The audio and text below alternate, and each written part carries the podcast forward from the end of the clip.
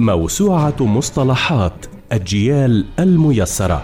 برنامج يتناول مجموعة من المصطلحات التي تأخذ حيزا كبيرا في حياتنا اليومية الاجتماعية السياسية الاقتصادية والثقافية. في كل حلقة نتناول مصطلحا لا بد وأنه مر على مسامعنا. موسوعة مصطلحات أجيال الميسرة برنامج يأتيكم في مثل هذا الموعد يوميا عدا الجمعة. عبر أثير راديو أجيال من تقديم عبد الفتاح القلقيلي. مشروع آلون.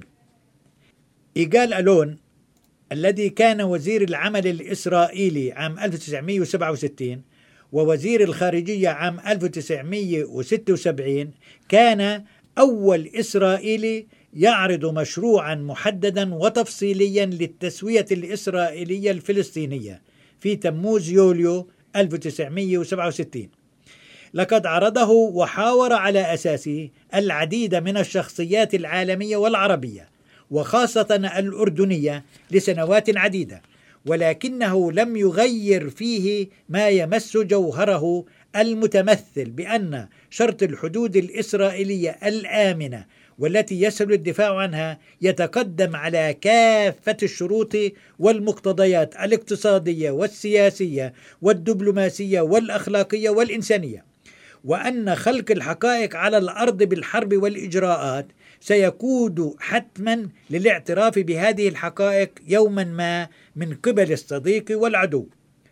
ومنذ طرح هذا المشروع حتى يومنا هذا ما زالت كل المشاريع التي تطرحها الجهات الإسرائيلية والأمريكية لا تتجاوز إطار هذا المشروع.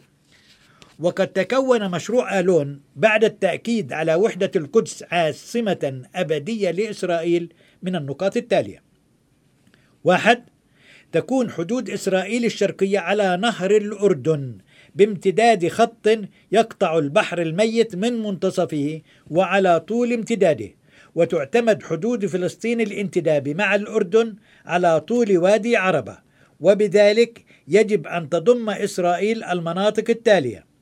ألف شريطا يتراوح عرضه ما بين 10 و 15 كيلومتر على امتداد غور الأردن من غور بيسان وحتى شمال البحر الميت على أن يبقى فيه الحد الأدنى من السكان العرب. ب شريطا عرضه بضعة كيلومترات من شمال القدس حتى البحر الميت بحيث يتصل في مكان ما مع طريق عطروت تا صحراء يهودا من مشارف الخليل الشرقية وحتى البحر الميت. النقطة الثانية يجب أن تقام في تلك المناطق مستعمرات ريفية ومدينية وقواعد عسكرية وفق متطلبات الأمن الإسرائيلي. ثلاث يجب أن تقام شرقي القدس ضواح بلدية مأهولة بالسكان اليهود بالإضافة إلى الإسراع في تعمير الحي اليهودي في البلدة القديمة وتأهيله وإقامة مجالس لهذه الأحياء ضمن بلدية مركزية. أربعة توطين سكان غزة وخاصة اللاجئين في المناطق العربية في الضفة تمهيدا لضم المنطقة الممتدة من جنوب غزة حتى التلال الرملية على المداخل الشرقية لمدينة العريش في المستقبل. خمسة تبادر إسرائيل إلى إقامة روابط مع زعماء وشخصيات من سكان الضفة الغربية للاطلاع على مدى استعدادهم لإقامة حكم ذاتي في إطار اقتصادي مشترك سواء مع إسرائيل أو الأردن وتعاون تقني وعلمي. ستة تبادر إسرائيل لوضع خطة لحل مشكلة اللاجئين على أساس تعاون إقليمي يحظى بمساعدة دولية.